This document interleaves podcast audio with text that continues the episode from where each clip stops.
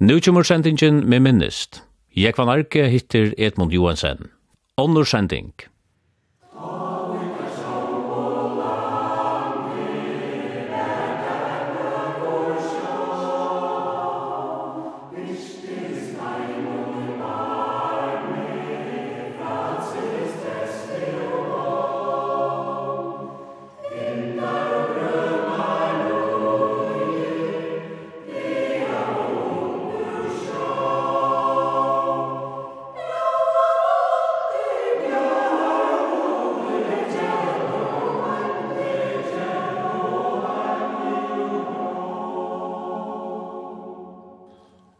Edmund, du ert øyre med over.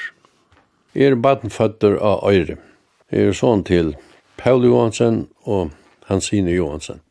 Hansine er født uh, Samuelsen, til at uh, er kvart vika maur og kvart øyes maur og halvor øyra maur. Abbe var ur nudjestov i vik, og amma som han giftist vi, hon var slekta av øyre, av debisa øyre. Og Abbe øyre, han var bønd i øyre, jeg tror ikke jeg mersker du gjør, og amma var slekta ur bryteståbi av øye. Det var amman og appen herfra. Så er jeg oppvaksen i de sunnaste husen i øyre, og det var kalla ut i bakka, den tøyren som pape grev ut og ta kallaist av tanne. Og husen ble byggt halvt nere i fjøren, ja nyaste formor, det har vi hørt omkring søv om at han skåla i vekk så at det var nekk hål og gjennom. Landsninger ringer øyre til Sigurverien, en landsninger tar i papi og støpt. Og det er vært en bygning som er atlaver til bæja av byggvo i erva, men det skulle det takast i møte fiske eller handlast i de nyare etasjene. Etter det gamla handelsminstrum, det tar vær jo alle førninger som bær, bær fisker og frakta kom etter sjøvnen. Men jeg kan først teka ankra søvi om Abban og Omna og i Vøyk. Det var sånn at Elisabeth Maria, Amma, hon giftest vi Hans Nudjestov, Hans Samuelsen, og de er bæg født i 1804. Amma, hon er jo født av Øyre, og ta i tøyene, ta skulde falskene tølja til daupen det har ju stor at att det blir doppt kött. Så hon är bara 13 dagar gammal då hon fer til dopen och ta er ungen kyrkja vi norskala vid høyra til nes søk ta. Og bateren verur flott avur og åtta man affære fyrt sora nes for å døypa om. Og ta det koma sora nes, ta viste seg at det er onkur prestastevna ångstane, at det er ungen prester av neset. Eira vi vil ikkje færa norra til eirar vi ammo der, så tar gjer ikkje der, tar regva inna botten kodlafyrir, og genga til kvivugar, og her verur hun døpt. Og tei liggja så natt i kvivug, Og så til norra til eirar dein etter. Og Abbe, han er òsne fødder samme år, men her sier kyrkjebøkene at han er døpter dein etter i Haldarsvug og det skal være tog at ta er prester her, og han blir så døpter på en av veien. Og en annen søve er til at mamma min, som heter Hansina, hon blir oppkalla etter Abba min, og tog Abba er til Kips, han som nå ikke Er han er til Kips i halde at Kipi heter Vestmanna. Og hette Kipi er så langt borster at de er vois og at de er borstegjengje. Og tog verur mamma oppkalla etter hans, hon øyder Hansina Maria. Men uh, så hendte det gledelig at Abbe kommer atter, og han kommer atter og tar sikst at han er kommer i Illebever og enda er.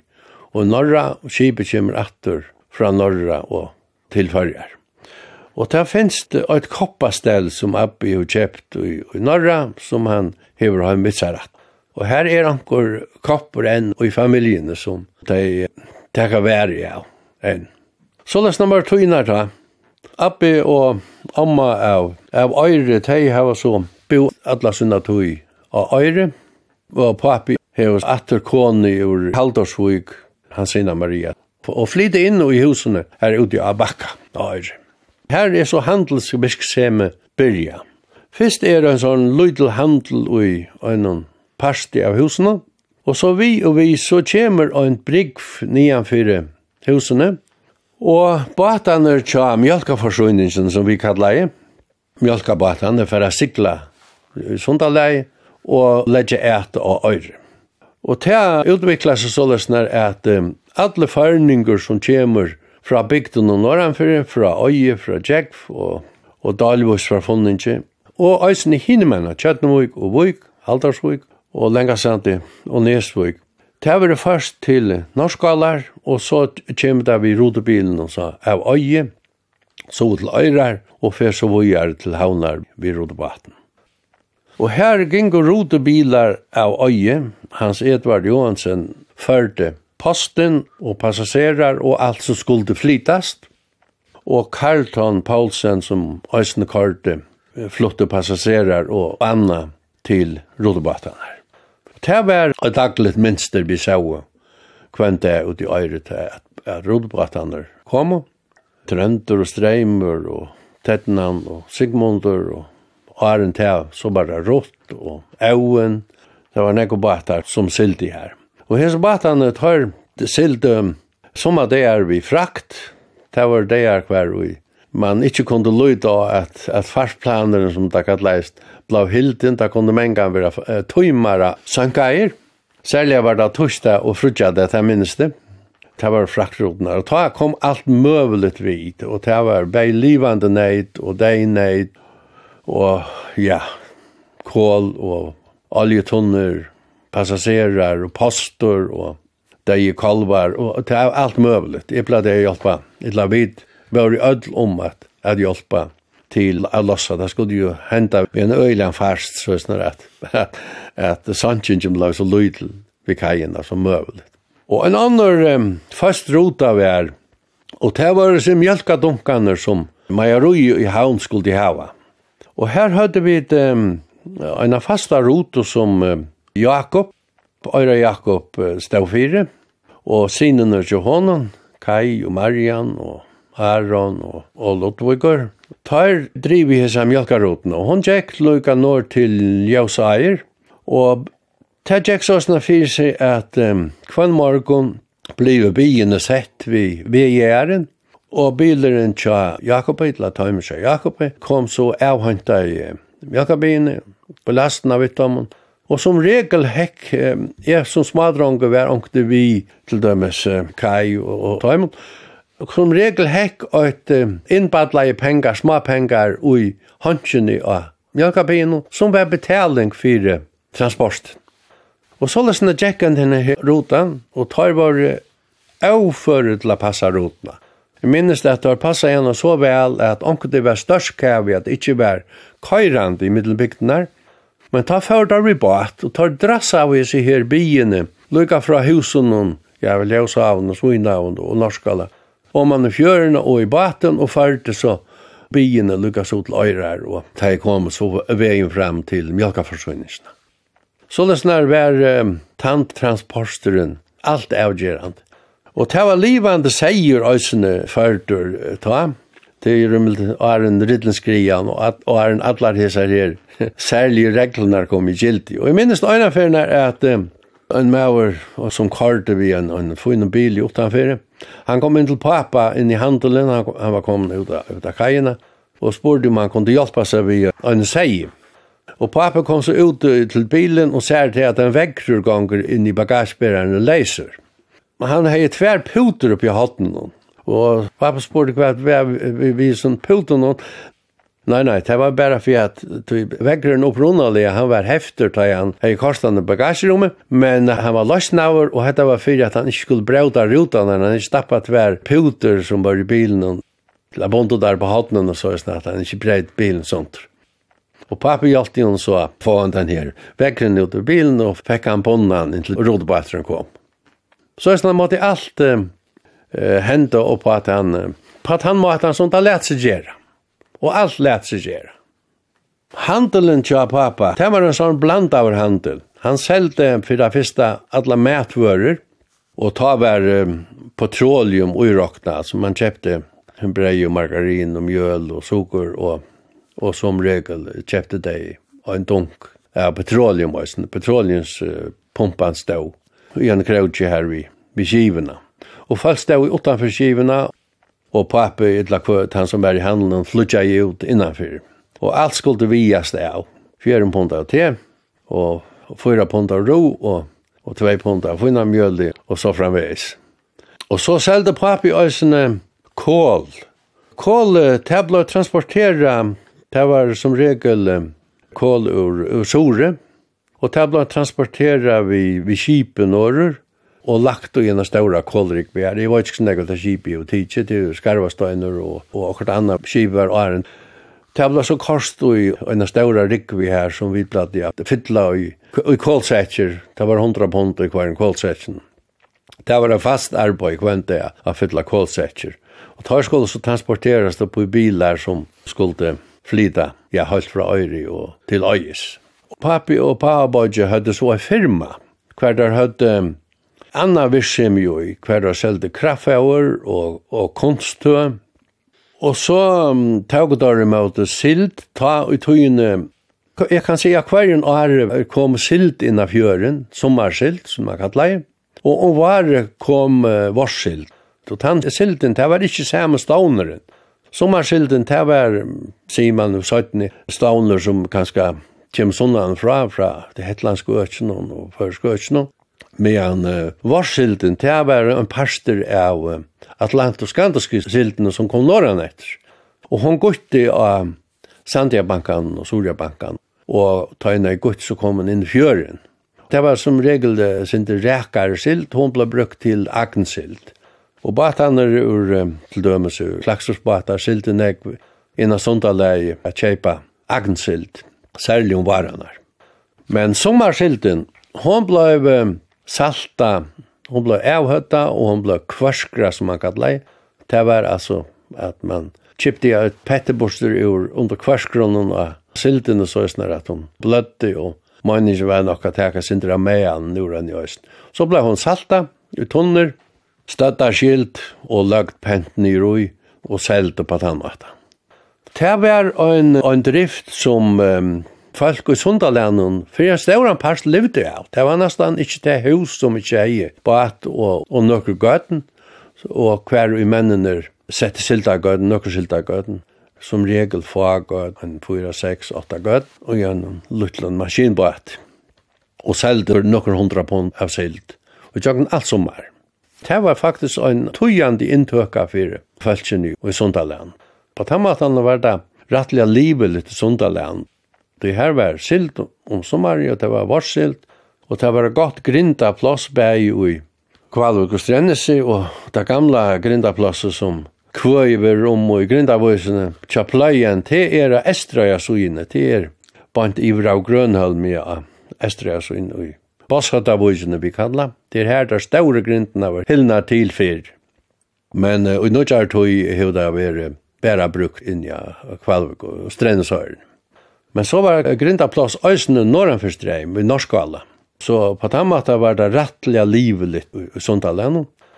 Og fiskur var alt i neke av i Sundalen. Bergilder og søyer. Søyer var nekvor.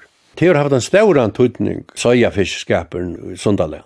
Og da har vi også om nye sette falskene som uh, nu har vi bo i Øyrabakke i Iberhold Trusjar, i oppvaksen av Øyre bo her i 20 år, Så var det bare noen få hus da jeg kom her. Og de første nye sette falskene, de er kommet nå i 1924, Jørgen og Hansina som er kommet av øye. Det var jo, hvis vi sier det så, en øyrevær, det lukla plasset, og i ørene enda og norska var det lukla plasset, og i hinn enda han når han fristreim. Og så øyrebatje er så her i middelen. Og fyrir tøyen jeg hava øyremann kallat av Norge Sundon, idla Norge etter bakkan, og det er så finnes jo navnet Øyrabatj. Og i dag er det råkna fra Øyri og, og når til Brunna til Øyrabatj. Fyrr var det sindi langur når, da i Andreas og Øyrabakka, som nu husen er i Norskal. Og Brunna det var det kalla Andreas og Øyrabakka. Men det er så blivit til at Norskal er norranför Brunna, Øyrabakj, for Brunna og Øyri er det aller sunnaste. Hese falskene som er nye setefalk fra 1924. De er kommet alle møvelige stand fra. De første kom jeg av Øye, og, og så gjerne her vi Hans Peter i Heinastov. Heinastovan, hon er i Vujk, Haldarsvujk, og kona hans er av Øye, Jørgina. De har så øysene bo her, tatt vi her som Jørgen og hans sina bo, sunnaste Øyrabakkanen. Så gjerne kom vi til Laurus Johansen, som var slektar i Vaje, og Hanna som var slekta ur Hattarvik. Og så hvis vi så færa når etter så er um, Søymen Danaste og Sara. Søymen er av Viarøy og Sara er Vaje. Og vi færa langer når etter så kommer vi til Alajaki og Susanne. Alajaki er ur Høsvik og Susanne er ur Kotlafire. Og så kommer vi til Paul til Andras som vi kallar. Paul er slekta av Øye, men konan er slekta fra Jekv. Så kommer vi til Aule Øybørstøve og Magnino, Teier bæg av Øye, og vi færer så til Andras Stoven, han kjøttenmykjengur. Så kommer vi til Daniel og Jakobina. Daniel er sandingur, og Jakobina er kjøttenmyk. William Andreasen og Ella Maria, de var i øsne kjøttenmykjengar og bosett Støyrabakka. Og om man fru veien her er Jekvann i Leinen, som vi kallar, og Lena, hon er heimarageri i Norskala.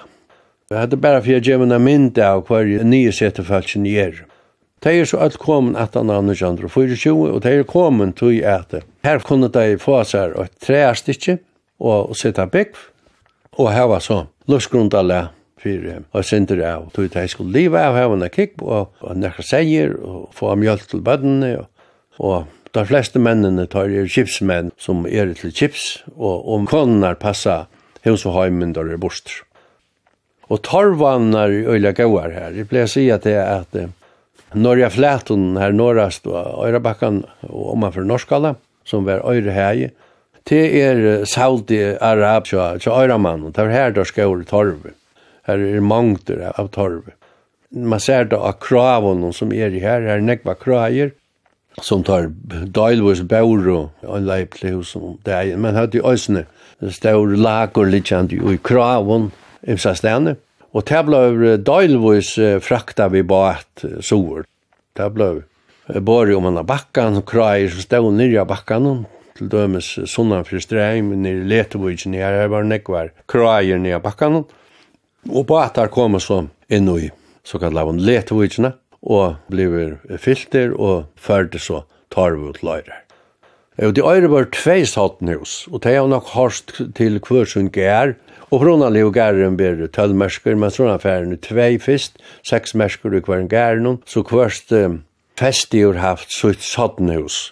Disse sattenhusene, de har jo torska kattene tja Øyramon, og, og til det kravdest stora nøkter av torve.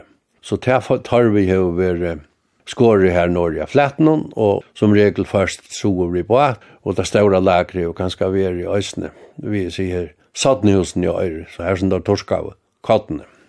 Her er jo for stjernevn. Hvis vi tok så om um, øyre som bygd, så er det noe som tøyer på at øyre er en rettelig gammel bygd. Tøy hun er nevnt i hundabraun, og hundabraun var sikst vera fra 1300 til 1400, år 1400. Og hun er nevnt ut i braun, og, og det her stender at det kan bare være 100 år.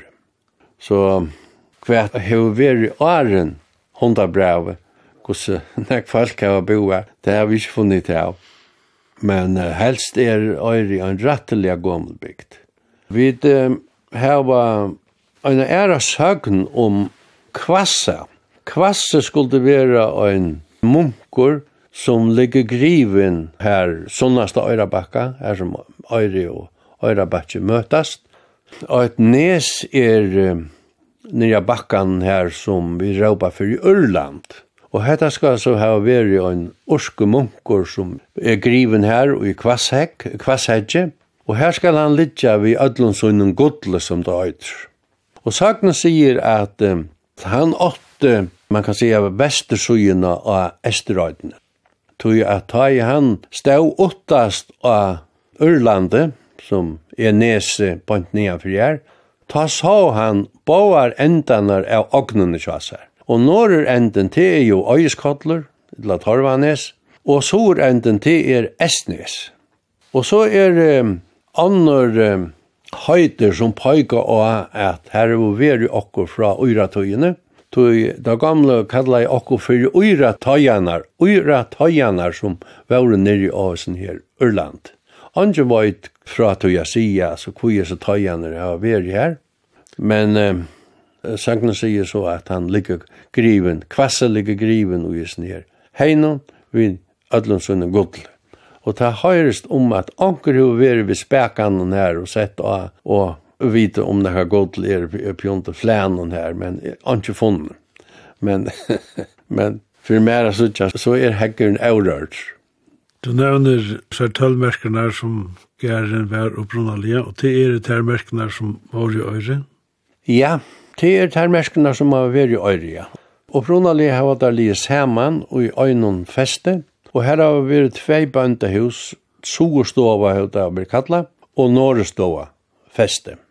Og satt i tøyene så hava der bytta i tvei, seks mersker i hver en festen, og Abbe og Holbadjansar, at her hava så bytt uh, ter seks merskerne til trutja mersker, så Abbe sett vi trimon, og, og Jekvandal sett vi trimon mersker. Og så løsne er det i det av øsene. Tveferna trutja mersker, og, og øynaferna seks mersker. Og det sikste er at uh, det er gåar mersker og. Ja, Det er, det, det er gaua mersker, ja. Men jeg halde der beste merskerne, der er vi norskala, der er forsa merskerne alltid. Det er nekka minni øyr. Men uh, en annen søve er om merskerne av øyr. Nå nevnte jeg siltene og jan. Og det var at um, Esmardal, annar av Tøymbadjene som hei i Gatnavisk, han sier det at han ble spurt til øyna for nær, hvordan er det røntest vi siltene? Han sier, ja, det her røntest ser vel, det var mer enn tusen sildatonner oppa mørkjene. Det var 13 000 sildatonner på land og øyre, og til tølv mersker.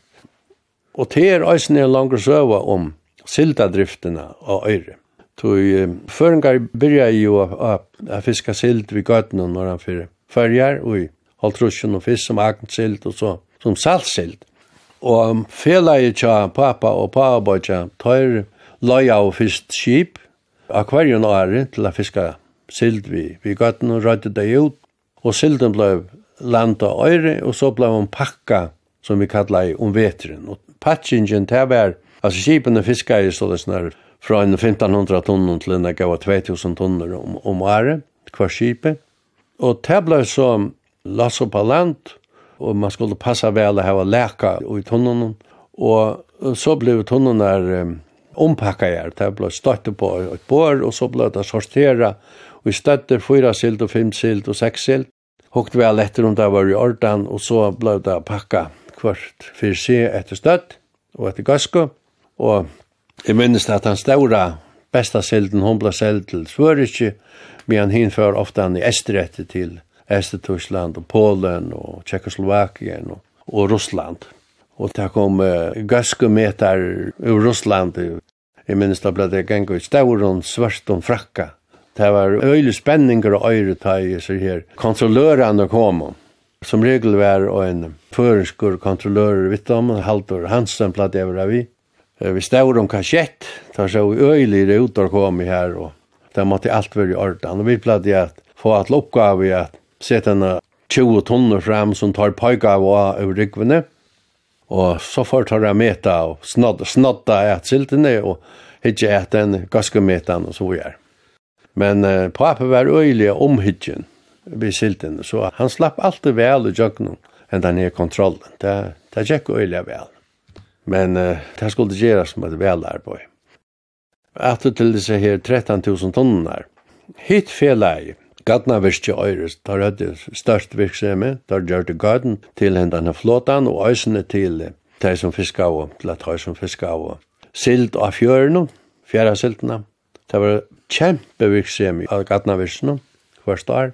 Tar hadde øysene skip som tar hadde rødt ut, og tog og så og møter fangsten og pakka i om. Og havna vi i skiftene var vanlig på den måten at det var jo bara kajen og, og løyd i havnaplass her, så alle veginer og øyre, det var jeg takla i ved Siltatunner, og Siltatunner lå lengt nyan i bøyen av øyre. Så det var gror og knass å pakka hese her tunnene om. Man kan også se at det er 13 000 tunner her vi i øyre. Ta hever vi trangt litt av karst etter venen, og bøveren hever vi avtakla av vi tonner, alle mulige sted. Men det er ikke så øyne. Så kom sjåvande skip til øyrar vid Taumontunnen, og det kom fraktskip etter taumontonnen, ta i liet vær og avskipa skuld. Og øyre var øysene og et knutapunkt på Taumatan at ta i no siltadriften var av, så var det skip som fiska og task, bæge saltfiska skip, men særlig var det utsfiska skipen i omvetene. De hadde, her var nekko skipar, særlig fra Norskala og Øyrabakka og og han kan være øyre i Østene. Skipene kom til øyre Vi kjenner ødel til Andreasen Bajana, som nesten alle var skipere for det skip. Og de skipene, de kommer jo by mannskapen, og hadde mannskap negv heian når han etter, ur ødlom bygden når han etter. Og kom til øyre hver fyr en tur var av et akkur skifte var. Og vi kvart kom til ur Englande, Bøynløys, og det var ikke alltid at det Bare ringa läta kom, ofta ofta han, jeg kjenner inte att det kom hjertet. Så papi hei et øyl strøyvi ans etter at Anker skulle detta ned i middelen av hessen skipen. og at skipen skulle være vel bunten og så forskjellig. Men det var øyl trafikkur vi kajen her. Og det var jo nesten Anker kaj, det var bare en lille stumper ut. Det var det som jeg hoa spyrja, når blei kajen bedre? Ja, så hendte det at um, kajen ble betri. Jeg halde det må hava veri i trusjen hon at kajen ble betri. Da byrja vi en liten stumpe, en smelen stumpe, til eh, mjölkabatana som vi kallar av. Men da driften ble større, så ble hun brøkka. Og en stumper ble setter opp i som var brøyar i den første stumperen. Og ta ble det en brukelig kaj, kan man sige. Men i middelen av gamle kajena og da nudje var en smelen stumper Og det som hendte seg øyne for nær, regner sild i øysen, det var rotobateren ur Haldarsvik. Han silde bøynløys av Vik og til Havnar. I halde det var sålesnar at mjölkaforsøyningen hei øyne rett til å sikla rotena nord til streimen, medan hinbateren hei rotena nordanfyr streimen. Men Reiner, han måtte i øysen legge et vi kvar sånn for streim, han skulle passa seg streim for jeg sleppa om her som brygven er enn det. Her var en fles mitt i sunden og ta det var um, vestfadlig lave, det var fjøra, så kunde han ikke sigla alltid. Ta det var her streim og så var for lyd vatten. Så måtte han legge seg å boja antil vi brunna av Øyrabakka, illa, illa brunna av Øyre. Og det var ofta han i at sudja at han boja igjen av løtt. Og jeg minnes en av ferien han, nu, du snakkar om meg, her nudjo kajena, han nudja stumpen som var brøyar i en tann fisketumpere. Han var setter opp i en den gamla stumpen, så er snar at det var, jeg synes det vant av mykje genga til brunnen hvis man ansa i etter at, at han var smallere langer inn.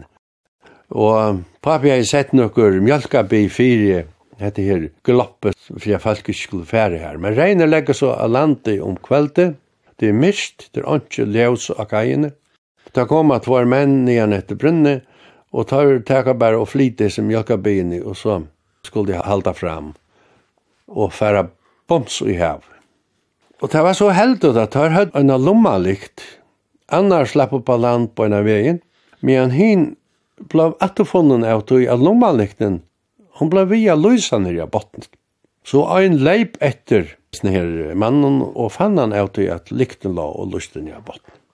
Og jeg som er hei li så mykje lunge at han var velkommen til deg, så folk hildi at han var deg. Han ble lagt der inn i gavstov og tjokken av gulvi, og menn rundt jeg få lov i natt. Og det ble sendt på etter Rasmussen doktora som tar var doktor i øye for alt økje her. Og jeg var smadranker ta, men det første som han sier da han kom til den her mannen, det var til han helt at han lukta jo spiritus, men han var drutjen. Det visste jo ødel at kjenninger var bjoi. Og det var så ofte han tar jo i rodebattene kom i at jeg følte hadde kjenning. Det var jo øysene transportstyrene for at launer og løse jo. Det var en parster av de høyla. Det var et arbeid jeg gjør at vi tar skulle bære en vattan fra kommunen at man har betalt kommuneskatt. Og det skulle øysene en vattan fra kjallstovene som det kallet i stad at man har betalt landskatten. Så det var en fer som meng i Sundaland og Gjørte og under Høgtøy er fer til havner at løysa en kassa ut, en kassa brennevin. Og det var ofta ni at det ble sett av hendan kassan av når norretter. Ofta nå var det det størst fylgje som var om, ombord i båten, det kunne være en skipsmanning som kom etter av skipet, og, og leie kunne være godt her menn kom vi rådbaten, eller vi regnet. Så er sånn var det hesefer. Men heseferna var det sånn at maveren kom etter til løvs, og alt gikk godt. Han fikk mine av, av feriene, men dette var faktisk en søva som holdt jo på utbyggingene av, av brunnet, ja.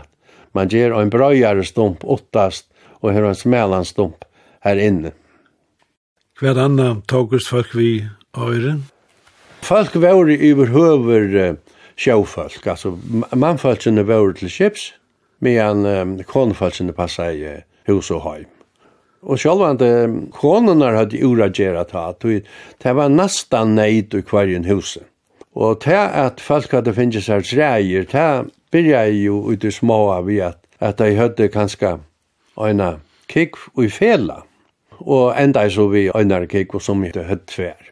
Og det var så først og fremst til sånne egne bøtten, og å selge til de som var nøykommet som ikke hadde kikk. Og så til aller sørst at det som kunne selges til mjölkaforsyningene, som det kalles, det ble sett i bygget til veien og transporteret til havnar. Men konanar hadde jo eisen uragera ta i mennene var borstur tog at uh, hadje skulle få asilhaldar og torve skulle skjerast. Ella. Oftan hadde mennene skåret torve i Arndor Faure, men konanar og bøtnene finge det torska og finge det til høldar og i krønna. Så konan har høyde uragjera. Plus det at bøttene skulle passast og skolen skulle passast og alt det som hei vi husen i agjera. Hos uh, størst var folketallet til dem som øyre? Det var omlai forsfolk og øyre ta i tøyne. Og nekka det samme tallet var øyrebakka enn forsfolk. Og det som i det er norra for brunna vi Norskala, var en 120 folk. Og så igjen ta er, sånn at bygden vaksen rettelig en egg, og i det måndet er vi affæren og pump det 200 100 til sammen. Og tid hatt skola? Ja, den papirjekk skola var bare en skola, han var i Norskala, og så kom skola i Øyre. Alla togina som jeg gikk i Bata skola var skola i Øyre. Og det var sånn at det ble gynnsig skola, ære kvar viko, det var samme læreren som var i Norskalla som var øyre, men det var gynge skola leier det øysen, og nok som nekva tøym om det er råkni vi. Lærere var en joarmau som kallas for Jekvan Kristiansen. Han var lærer i Ødlaren som er tjekk i Brattnaskolan. Og han var lærere av de gamla slene, kan man säga. Nok så strengkor, men gau lærer i alt. Pavedøyn, han var bøndasånene. Det var tvær på kjær, Jekvan Johansen, han var eldstur, og så pappe, Paul. Jekvan feste Trymarska gæren, Tjapa, vi han pappe var røktingamæver. Ta var kanskje kursen typa. Jekvan var postmæver samtugis, og bøkhaldari, og gjørte negv slukt arbeid. Kanskje var minne praktiskt anlagter enn pappe. Og pappa var røktingamæver. Og det var av eldtoa han var røktingamæver. Han kjente hver jeg kleiv i heian. Og, og det beste han fikk til var å slippe en tur i heian. Og til han kom til hus da var det under trudje røkninger menn og øyre. Det var å sette seg i køkken og kveldene ta i myrst vær at hos som seg. Og tar tås av om seg i minst samme bøyden som åtte seks mersker og Old Dahl som hei trudjar. Og onker røkninger med var Øysene William som var slekt av Kjøtnøy. Da var alle vimmen. Da sjå de køtjen og tåsa om om seg, akkurat som de tåsa om folk, altså. Slektina og hvordan det var varnar og jeg løy kanskje av dem. Hver da pleide jeg litja og nevnte alle seg steder nøvnen. Jeg pleide jeg røkta vi pappa, ofta når vi og noen røkta i. Det var som at alt hei lov til hver tikkva og hver steiner hei navn, hver studjur og hver herra Så at uh, det var en særlig oppleving av å være bortre her ved pappa. Og for fjørestøyner her i Østendal. Så var det sjølvand um, imist som var vi her, og først skulle man ha fjall. Vi var grannar ved Selatra. Kraus var bøndi av Selatrea, og tar seg av de øyla vel om satt, men man uh, var til, man kallar det for samgång. Kraus var fjallmauer tøy og Vi skulle av fjall, og vi får av fjall ta i hand. Jeg skulle reka og rett. Så vi kom nok snakk saman, og segjene sjåan det lave tverster om marsje, så det skulle halda kila hver 80, og det skulle marskast etter. Det så lampen har det til atnar, så det var en sjåfylt. Det er ikke jeg funnet.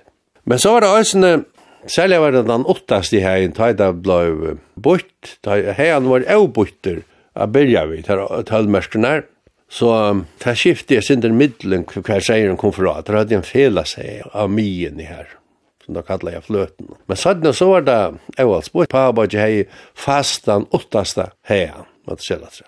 Og hessen heien hei jo ongan bø, så han hei stauran sommar heia, men ongan vetere heia. Så han skulle fauras nek om vetren. Og andre vever var ute i heian, så det som gjeras skulle, det skulle gjeras vi båt. Så vi hadde fast arbeid om vetrenar at uh, færa seien vi kraftfæra hadde det var tatt, og vi hadde ikke tatt av er kæve. Det var grunnen grunden nok snakk arbeid av hegen. Men papi hei til her som uitriv, selv om han var handelsmæver og opptidgen vi ödlom møveligen, at landa ein fra matna til myrskur, så var han nokra løter, skunda seg ute i hean Det var det som han damte allar best, det var at pasar en tur utom mot til marsjen, og så heima, så er han halsa på allan seien. Og jeg platt jeg var av vion og nøysene. Jeg var engster av ödlon, og det var nøysene opplevelse for meg. Det var nøysene herrer i hen. Ja, ja, det hadde kommet til sporsten. Så var det som var eldre enn jeg, Kristian Bodjemoen, han var tog år eldre enn jeg, så jeg har ikke bysset vid å begynne vi, men var vi hånden og hans bodja. Og det var hver en år vi skulle kjøte her. Og vi var i under fem som, eller seks som sammen platt jeg kjøpe her i her, vi kvørst var det. Sen sånnast i her, men kvørst var det er her. Det var sånn det passet i, hver her man fikk kjøpt. Det var rettelig spennende. Og jeg minnes det, jeg som unger, altså, det var fantastisk spennende det ene fra man undan når man skulle fære her. Så det ble tåse om Har gongna akkurat sånn tar man tåsa i om, om fjallgång og hvordan man skulle genka, og man skulle passa til det øden som da var fyrskrivet. Anker skulle sida fyre og ære skulle genka og reka. Her var det ikke negvar her, men det skulle jo særlig konst til at få der. Det var ikke bare som best bær til. Så det var rettelig spennende. Og jeg minnes det at um, jeg hadde noen sånne fastar tradisjoner. Man skulle jo ha med vi. Og pålegger som vanlig var brukt, det var det som alt kjenner. Men hentan dagen, da skulle man hava onkra flus vi salta og sperrliv uppja. Tog at uh, hvis man fikk maktaløs, så var det det ringaste man kunne få. Onkra hei sukumålar, eller man onkra hei hendan hei fajta vishiran bra.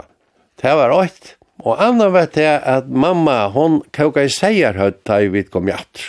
Ofta ni hei enkur tidsi omkran seg i la vira fjall, og har en ui. Så det var uh, tradisjoner, men sjalve turen var rettelig spennant. Og jeg har vært etter herren, jeg var ikke i fjør, men jeg hadde jeg vært hver sted, omkran turen skått til her. Og en dag var jeg etter herren hver kona må var vi. Et fru, det var også en god dag, det var nettopp i hessen her heian og granne heian norrett, heian som Eldal 8. Og vi kjørte kvette, vi fikk edle vi har den dagen. Og jeg minnes det at, um, for at jeg skulle renne lagt der, så rente jeg tedja uh, her på henne. Jeg hadde jo bare en av fem til enda. Det var en fin tur vi hadde bæg.